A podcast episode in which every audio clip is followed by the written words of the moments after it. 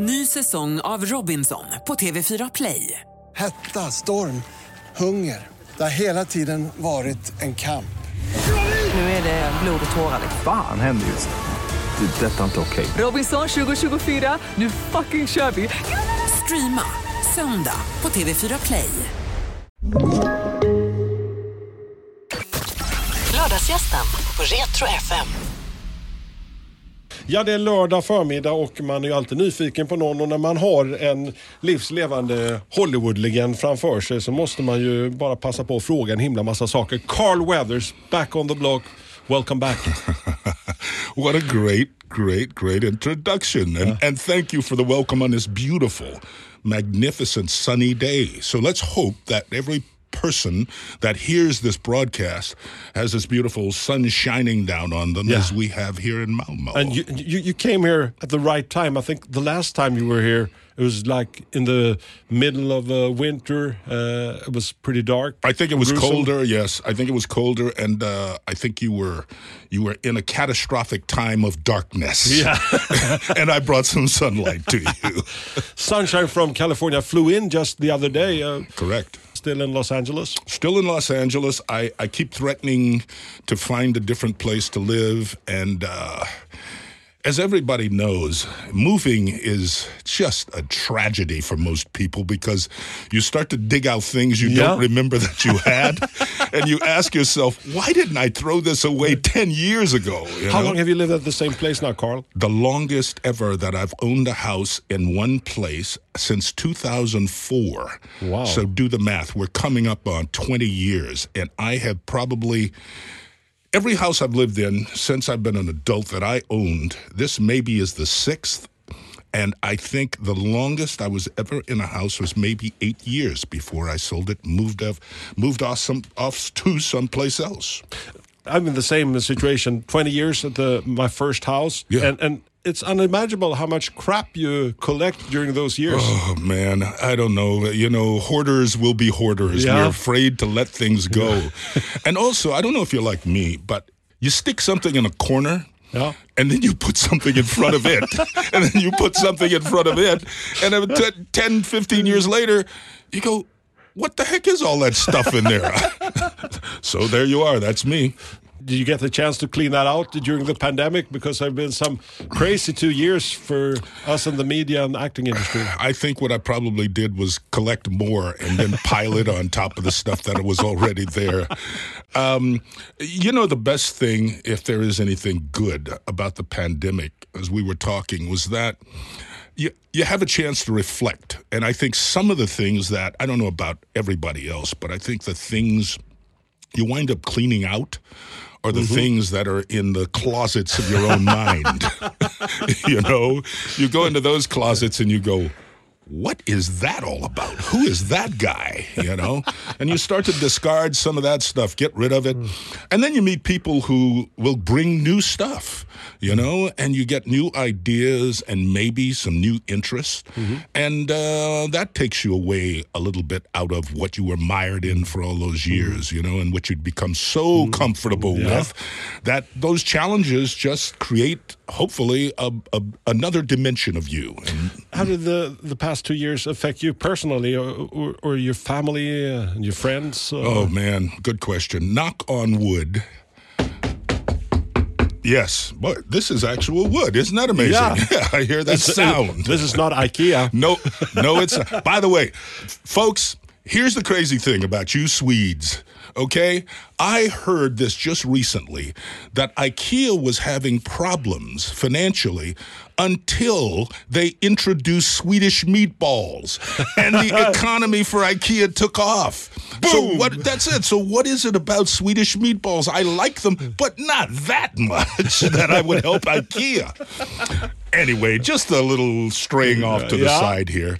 Um, you know, I I think in a lot of ways, uh, having those couple of years has had some advantages Yeah. because I think we've all, in some ways, gotten a little closer as a result of that. You know, because you you found yourself maybe not having to interact directly with somebody else, but you communicated a lot, whether it was by computer or by phone or whatever, and. Um, Then there's the other side, which is maybe people shut themselves off a bit more. So for me, I kind of went interior and uh, took a look at Carl and some of the stuff that Carl's about or thinks he's about. and I got a chance to deal with family, which was fantastic in a lot of ways. And, um, you know, as I said earlier, clean out those closets. So, you know, uh, uh, there's been good and bad in it all. What would you say to the young Carl Weathers uh, looking back, reflecting, have a time to? I mean, looking back to the kid grew up in uh, Yeah, in, in New New Orleans, Orleans, yeah. Louisiana. What a great question. Oh, man. You know, it's funny that you asked me that because my sweetheart and I were just talking about this about two days ago. Uh, and, and that same question came up, you know, and I asked her because she brought it up, the whole thing. She was talking about somebody else. And she brought it up, and I asked her, What would you say? And she told me.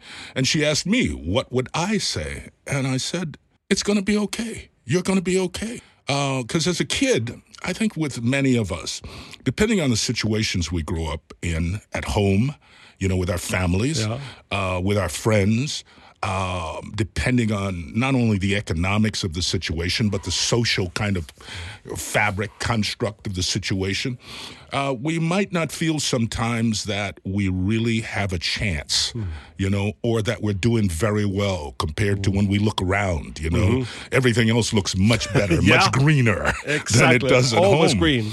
Uh, exactly. You know, the other side of the fence, as they say. And so I think I was, as a young man, uh, as a boy growing up, uh, looking at the world and seeing the world as a place in some some ways that was foreign and hostile, you know. And um as I got older and managed to somehow be be more successful in the things I went after and the things I tried to do, I, I think one of the things that I realized was kind of like the old Nike saying, mm. just do it. Just do it. Just get out there and do it because the cosmos doesn't have a preference. And by that I mean, if it's raining outside, it's not going to rain on some people. It's going to rain on everybody. And if it's sunny outside, it's not going to just be sunny for some people. It's going to be sunny for everybody. But it So- feels like uh, the sun is shining just on you, and, uh, and rain is just falling down On- exactly on Carl. that's right, on Carl. And that's only because we, I, I said something many, many years ago, you know, and, and this is kind of anecdotal of, of just my career in a way, you know, the career that this guy has had. I remember when the first Rocky opened, I was uh, in New York City. We, we were promoting it and it opened. And I was a young actor still. I was, I think, about 28 or 29 years old. And that's a young actor as far as I'm concerned compared to now, right? All these years later. And I was walking down the street in Manhattan, and anybody who's been to New York City Manhattan knows it's literally just tall buildings. And so you're in a very different kind of landscape. But lots of people on the streets and all these vendors who are selling hot dogs and in the winter chestnuts and all kinds of, you know, stuff for people to eat. And all of a sudden, a vendor called out. And this was the day after uh, Rocky had had opened. Yo, Apollo. I'm not kidding you. And I looked around and I thought, that is bizarre. The movie just opened.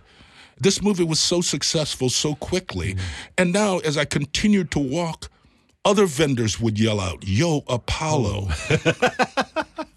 Nobody is prepared for success. We're all kind of reared and prepared for failure. so, again, what would I tell that young Carl? It's going to be okay. It's going to be okay. Don't worry so much. Don't feel that the world is on top of you. Roll through it, man. See what's there for you and what you can capitalize on, you know? And and enjoy the ride. Really enjoy the ride. Ny säsong av Robinson på TV4 Play. Hetta, storm, hunger. Det har hela tiden varit en kamp. Nu är det blod och tårar. Fan händer just nu. Det. är Detta är inte okej. Robinson 2024, nu fucking kör vi! Streama söndag på TV4 Play. Ett poddtips från Podplay. I podden Något Kaiko garanterar östgötarna Brutti och jag, Davva, dig en stor dos skratt. Där följer jag pladask för köttätandet igen. Man är lite som en jävla vampyr. Man har fått lite blodsmak och då måste man ha mer. Udda spaningar, fängslande anekdoter och en och annan arg rant. Jag måste ha mitt kaffe på morgonen för annars är jag ingen trevlig människa. Då är du ingen trevlig människa, punkt. Något Kaiko, hör du på Podplay. Därför är gardinerna. Your class of 66, Carl?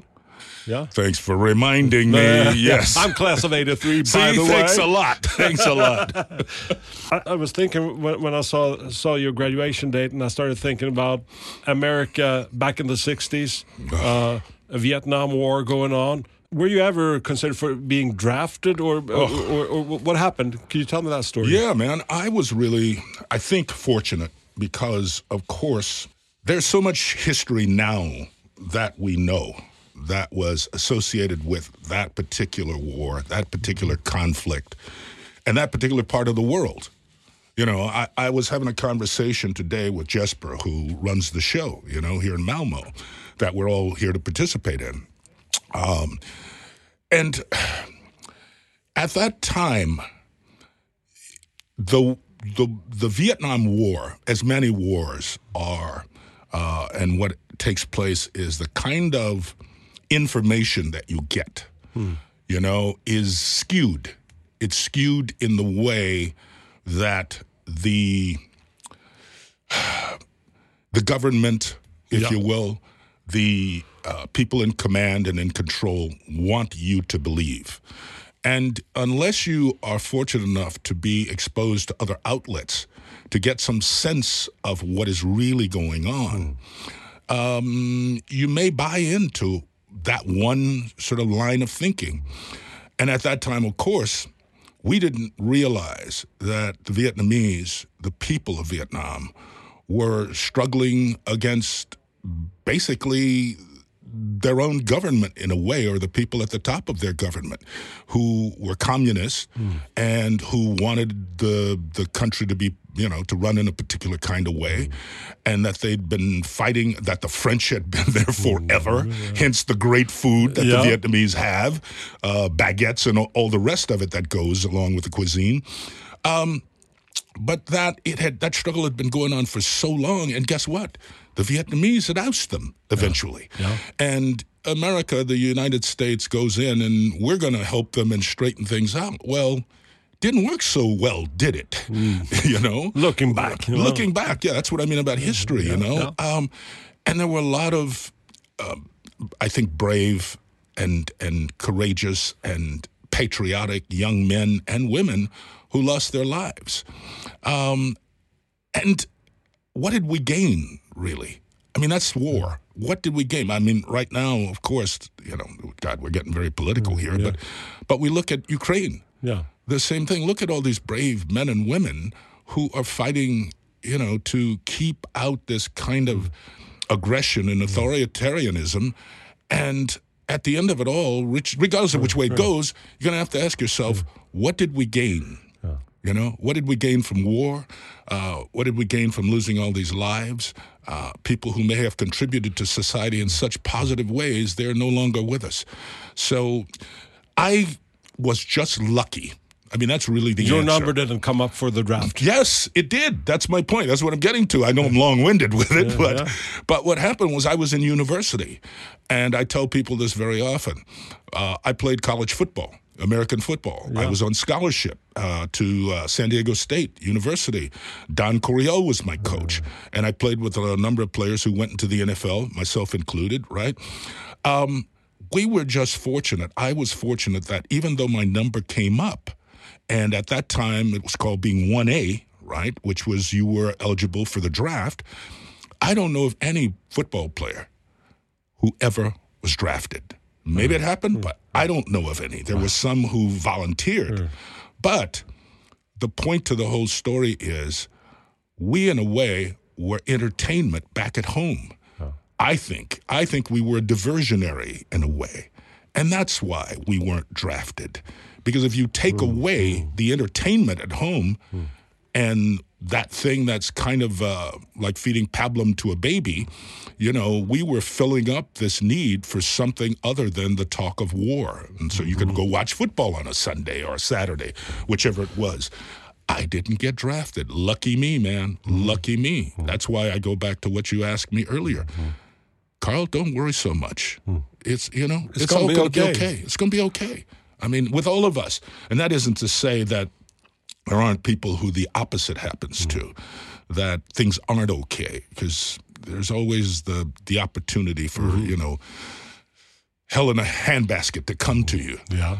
But worrying about it doesn't get you very far. It's not going to change anything. The only thing that can change things is your actions. You know.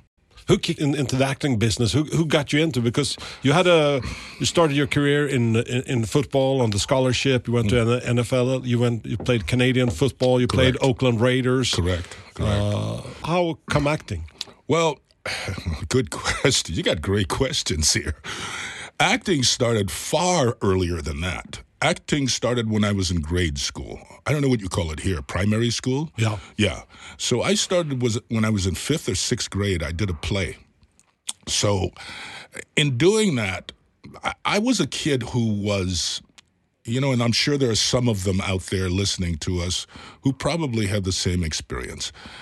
I did not have a an idyllic home situation. And I was always looking for something outside the home to do. I mean, that was where I found such joy, you know. And um, I did that play, and man, I was hooked. There was nothing like standing. What was the role? I don't even remember. It was written by one of the instructors that I had in fifth or sixth grade, a man named Mr. Slush. And it was a play that I don't remember what it was about. I just remember at times the audience laughing and applauding me. And there is no drug like adulation. when people pat you on the back and, and applaud your work and give you props, you know, there's something about that that is so heady. And plus, I loved it. I just, there was something about it that I loved, that standing on stage and performing, it just kept going and kept going. And then, um, as I said, I was on a football scholarship, but I majored in theater. And so it just seemed that it was in my blood. And there was this Dr. Jekyll and Mr. Hyde kind of existence, you know? and I got my degree in theater. And um, at a certain point, though, you know, most of us know, at least in America, uh, most young girls aren't gravitating toward guys in tights playing sh- roles in Shakespeare. Jocks. They like the jocks. Yeah, exactly.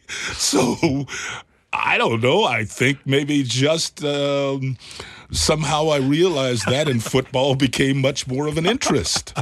and fortunately, God had given me some talents and and you know some some ability, and and and I made it, and I played, and I, I team after team, I was successful. You know, and as you matriculate, obviously going from high school, junior high school is what we called it, Yeah. into uh, high school, and then into university, and then professionally. So there were a lot of years there of getting better at it and having some God given talent. And again, you know, don't worry so much, Carl. Just go on and do what you're doing, man. You know, When did Hollywood came calling? it didn't call. I went to it. Okay.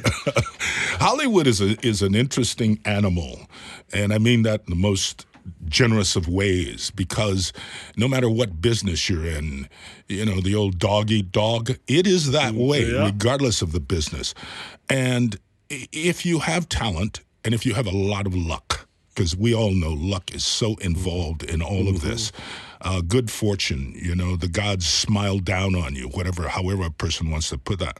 Uh, but you have to have a certain amount of talent to make it. And sometimes the talent is just in finding ways to be resourceful yourself to make your career happen, you know. But I knew, uh, I think I was fortunate enough to come in contact with enough people who impressed upon me one thing. If you want to be a stage actor in the U.S., where do you go? You go to New York because that's where theater is professionally. If you want to be a film actor or a television actor, you go to Los Angeles because that's where it is. That's the kind of kind of the epicenter of the business. Even though people shoot in all kinds of states, Yeah. each state, you know, and those states are growing with their ability to to pro, to have productions there because of uh, obviously you need uh, people who are craftspeople and all that sort of stuff, you know, in those areas. But I went to Los Angeles, and man, within six, I told. I told people at that time I was going to go to Los Angeles and give myself a year to make it. That's such a joke. Within six months, though, I was working Wow. and I was being paid to work. And it went on and on and on from there all these years later. And I might add that when I was in Oakland playing for the Raiders, in the off season, I did play. I mean, I well, I did do a couple plays, but I got work in San Francisco, just across the bay. It would be like from here uh, over to uh, Copenhagen. You know, um, cross the bridge and bang. And San Francisco at that time had a lot going on comparatively uh, to these days. And I wound up getting roles in commercials and did a lot of commercials Budweiser, Miller Beer. Um, one of the airlines I think I, I did a commercial for and very small regional commercials and worked background in a couple of movies and said, that's it. You did Magnum. Force. Magnum Force was one of them. That's Wow. right. Yeah. I'll tell you another one that you probably didn't know about was a movie called The Candidate with Robert Redford. And I was a background player. I was, man. And and the thing about it was that movie was the movie where I said never again. I am not going to be in the background. I'm I want to be Robert Redford. I don't want a guy to be the guy standing behind Robert Redford. And um, you know, I I, I attribute uh, a lot of the success that I've really been fortunate enough to have on people like Sidney Poitier and um, and Harry Belafonte and and Woody Strode, who was in a lot of John Ford movies, and ultimately even Robert Redford, because watching him in that movie inspired me to want to be not the guy standing as I sit behind him, but the guy who was him. So here we are. I think the first movie I saw you in was Force 10 from Navarone. Oh, my A goodness, Favorite yes. adventure movie. Yes, a lot of people love that movie. You know, that was uh, with uh, Robert Shaw and Harrison Ford, Edward Fox. Edward Fox, Barbara Bach, Rich, is oh, yeah, Ringo Starr. Richard Kiel, Ringo Starr's wife. Yeah. But, you know, in her own right, she was a Bond girl at one time, you know, in one of the Bond movies, The. Spy Who Loved Me. Yeah. Yes. So eh, we were really, man, I'll tell you back then, it was a whole nother ball game in movies and internationally made movies, you know, which that was. Um, and, and to this day, just as you just did, people mentioned that movie. Lo- they loved it. We shot. Funny thing about that movie was that was one of the first times I'd shot. I think I think it was the first movie I'd shot that was really a big international movie because we shot a l- lot, maybe the most of that movie in Yugoslavia, the then Yugoslavia, Yeah. and Tito was still alive. And we shot in a place called Žabljak for a few months up in the mountains. And then we were in, um, and we shot in Montenegro, we shot in, um, in um, I think Sarajevo. Sarajevo, I think. We shot in um, oh, right on the coast, uh, Rijeka, Opatija. Um, and there was someplace else. I'd never traveled there to that city, but they shot there. And then, of course, we shot on the Isle of Jersey, and then we shot in the UK. So we were all over the place. Five months it took to make that movie. That was a long trip. And then came Rocky, and then came the 80s, and then came the 90s, and uh, we have a pandemic. And they had The Mandalorian in, in Disney Plus. Uh, I'm, I'm not going to mention age. We'll, we'll Don't you dare! Don't you dare do that! Oh boy! Boy, yeah. I'm But not wait, wait go- now. Here's the deal. I don't care if you mention age, Yeah. because look at me, baby. Yeah. Look Yeah. at me. I'm kidding. I'm kidding. I'm kidding. There are days. There are days I have to roll out of bed. I don't actually get out of bed. I just roll over, and oh man, the body is saying, "Wait a minute, friend." Hold my beer. Yeah, yeah, exactly, exactly. But I mean, uh, how did you end up Mandalorian, uh, the first season as an actor, and then now directing the Mandalorian. Yeah, yeah. We're we just finished the third season, by the way. So here we are, five years later, and uh, we're still around. Disney Plus apparently is uh, enjoying what's being done, and the fans, of course, are because they keep tuning in. Um, but how did it happen?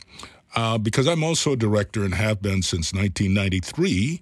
Um, I am very active at the Directors Guild in Los Angeles, and I've been on the board and I've been on the Western Council, and I, I, I, I participated and still do in um, a number of other ways in the guild, and um, Jon Favreau is also the creator of The Mandalorian or co creator of The Mandalorian, which comes out of Star Wars, which is George Lucas, and uh, one of our other exec producers, Dave Filoni, who. Um, the, the Clone Wars and who's done so much, and is at this time currently, as we speak, working on Ahsoka, which is one of the characters, right? So Jon Favreau one day at one of the after one of the meetings at the Directors Guild uh, approached me and and said, you know, and obviously I I because we're in these meetings that have to do basically with the business of the guild, but all of the directors who are involved or all of the participants who are involved, because some are are uh, stage managers and assistant directors, all the things under the the banner of the directors team, would contribute in these meetings and and ask questions and answer questions.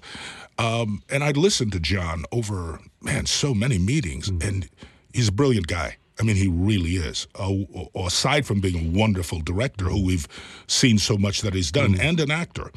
But Jon approached me one day and said, "I'm do- involved in this project that we're putting together, and uh, I'd like you to play a role in it."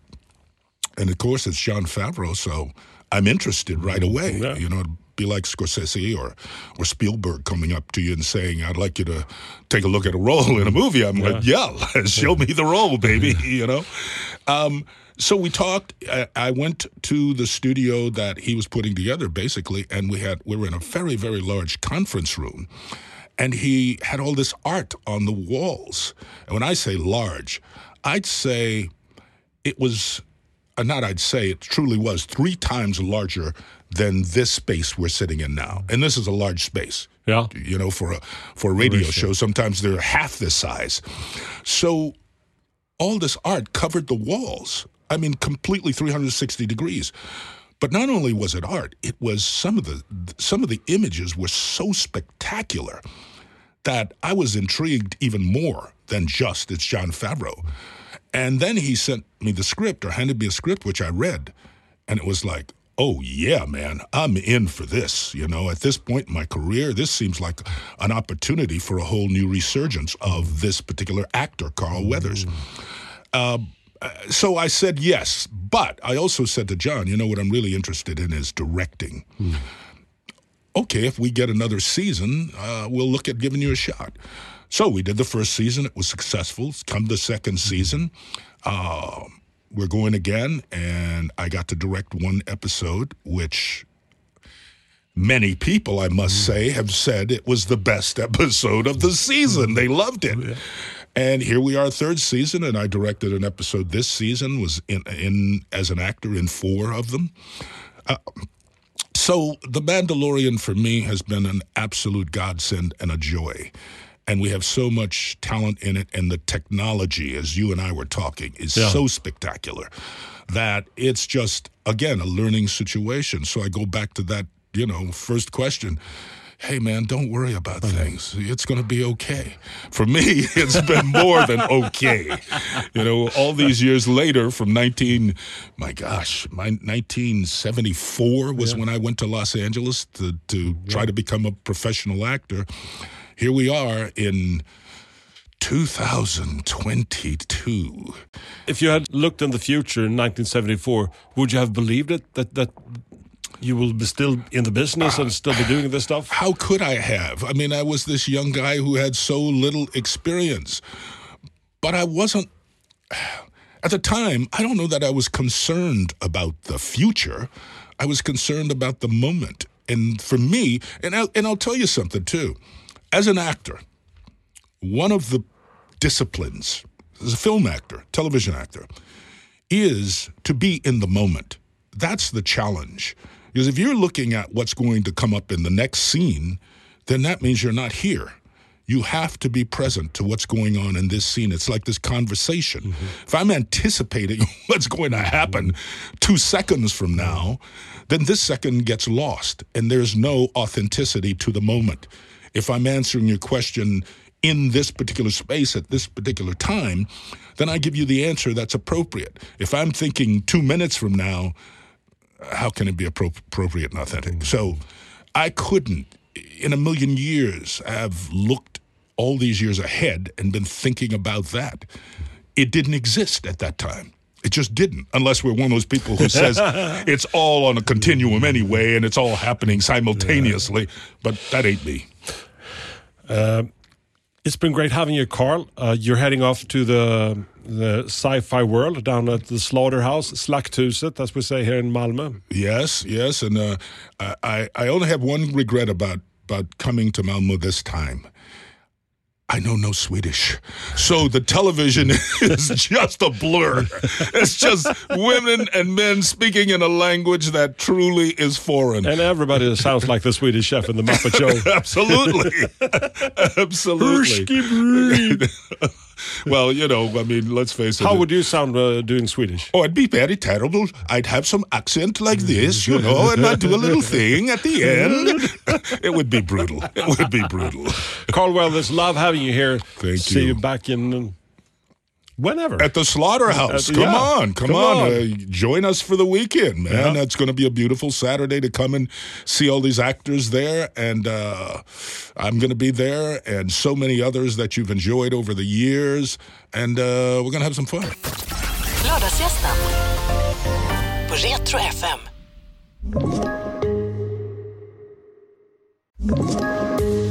Poddtips från Podplay. I podden Något Kaiko garanterar östgötarna Brutti och jag, Davva, dig en stor dos skratt.